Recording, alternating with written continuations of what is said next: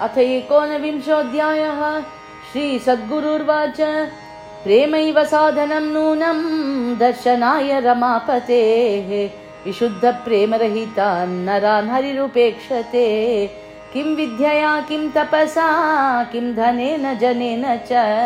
येषां तु हृदये नास्ति कृष्णप्रेमसु निर्मलम् तस्मात् सर्वं परित्यज्य कुलं मानं धनं जनं प्रेम कुर्यात् गोकुलेशे तन्मुखाब्जदिदृक्षया प्रतिक्षणं बद्धमाना विरहाग्नि समुज्ज्वला प्रेमरूपा भक्तिरेव कृष्णसायुज्यकारिणी श्रीकृष्णविरहेणैव क्रन्दन् क्रन्दन् क्षणे क्षणे कालक्षेपं यः कुरुते लोकेऽस्मिन् स हि भाग्यवान् समीपे पण्डरीपुर्याः कस्मिंश्चिन्नगरे पुरा कश्चिदासीत् ब्राह्मणस्तु कृष्णशर्मेति विश्रुतः कदर्यो धनिको मूर्खः कामी परमकोपनः स्वप्ने कृत्वाप्यनदानाम् उपवासपरो हि सः।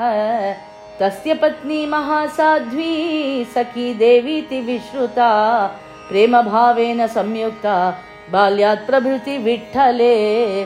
औदार्यगुणसंयुक्ता सर्वजीवदयापरा सच्चरित्रेण संयुक्ता पतिसेवापरायणा। क्वचिद्ध्यायति गोविन्दं क्वचित् नृत्यति गायति क्वचिद्रोदिति सा देवी क्वचिद्दसति नन्दति। सखी देव्या प्रेमभावं पाण्डुरङ्गे विलोक्य सः तद्रहस्यम् अविज्ञाय तामेने गृहपीडिताम्। तथा श्वश्रुः क्रूरचित्ता नानाभत्सनताडनैः गृहकृत्यं शिक्षयन्ति चक्रे हिंसां दिने दिने सा दोहने वहनने लेपने शोधनेऽपि च विठ्ठलं चिन्तयामास पचने परिवेशने सा कदाचित् सखी देवी सलिलानयनाय तु ययौ तटाकं सानन्दं स्मरन्ति विठ्ठलं प्रभुम् यदृच्छया सखी देवी गच्छत पण्ढरीपुरं विलोक्य वैष्णवान् मुग्धा तैर्ययौ केशवप्रिया। तच्छ्रुत्वा कृष्णशर्मापि मध्ये मार्गं विलोक्यतां पीडयन् स्थाडयन् क्रुद्ध त्वविनाय गृहं प्रति। पत्या श्वश्रवाननादा च ताडिता सा पुनः पुनः। बद्धा गृहान्तरस्तम्भे प्रललाप हरिप्रिया सखी देव्योवाच हा कृष्णरुक्मिणी कान्ता राधिकाराधितप्रभो गोपीवल्लभ गोविन्द भामारमण माधवा पाहि मां पण्ढरीनाथा पाञ्चाली मानरक्षका यमुना नो लोलगोपाला यशोदानन्दवर्धना लौकिकं वैदिकं कर्म न जानामि तथा तथा तथाप्यस्मिन् कुटुम्बेऽहं सीदामि बहु पीडिता। संसारसागरा घोरान् मामुद्धर कृपानिधे निदेहि तव पादाब्जे किङ्करी शरणागताम्। किं गृहेण च कान्तेन किं धर्मेण धनेन किं त्वामेव मे प्रियतमं द्रष्टुमिच्छामि विठ्ठला। श्रीसद्गुरुर्वाच इत्येवं बहुधा देवी प्रलपन्ति पुनः पुनः निबद्धा गृहपाशेन रुरोद हरिवल्लभा। अथार्धरात्रे सा देवी प्रियदर्शनसम्भ्रमात् येन केन प्रकारेण विमुक्ता पण्ढरीं ययौ। तदा तत्रैव गोविन्द तस्या रूपमुपेयिवान्। स्तम्भे निबद्धो ददृशे करुणासिन्धुरच्युतः।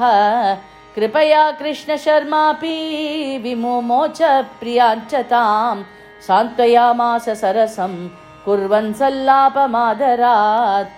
तद्भावमनुसृत्यैव गृहकृत्यञ्चकार सा एवं श्वश्रून्ननान्दा च तस्यां प्रेमैव च क्रतुः एवं माया सखी देवी श्रीमती परदेवता मोहयामास भर्तारं जहन्मोहन तत्परा एतस्मिन्नन्तरे सापि सखी देवी हरिप्रिया ददर्श विठ्ठलं देवं पण्ढरीपुरमागता कठिन्यस्तकराम्भोजं कण्ठशोभितकौस्तुभं कालमेघनिभं कृष्णं कमलाक्षं ददर्श सा तत्पदाम्बुजमाश्लिष्य प्रेमतापसमन्विता त्यक्त्वा शरीरं सहसा तमेव प्राप भामिनी विलोकतस्या सुदृढां प्रेमभक्तं तु वैष्णवाः।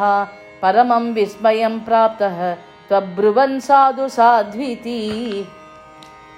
वृत्तान्तं तु सखी देव्याः कश्चिद् भागवत पुनः नगरं प्राप्य तद्भर्त्रे दुःखितोऽपि न्यवेदयत् कृष्णशर्मापि तत् श्रुत्वा तद्विचार्य पुनः पुनः सखी देवीं द्रष्टुकामो विवेशान्तर्गृहं तदा तावदन्तर्दधे देवः सखी देवी स्वरूपधृत् तामपश्यन् कृष्णशर्मा नितरां विस्मितोऽभवत् सखी देव्या प्रेम भक्तिं प्रभावं विठ्ठलस्य च दौर्भाग्यमात्मनश्चापि स्मृत्वा स्मृत्तारुरोदसः।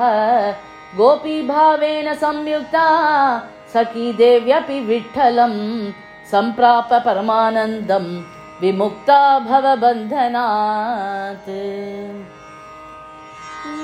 इति श्री श्रीकृष्णप्रेमि महाप्रभुविरचितायां श्रीवैष्णवसंहितायाम् अष्टमभागे सखीदेवी चरितं नाम एकोनविंशोऽध्यायः। जय बोलो प्रेमी केन्द्र सद्गुरुनाथ महाराज की जय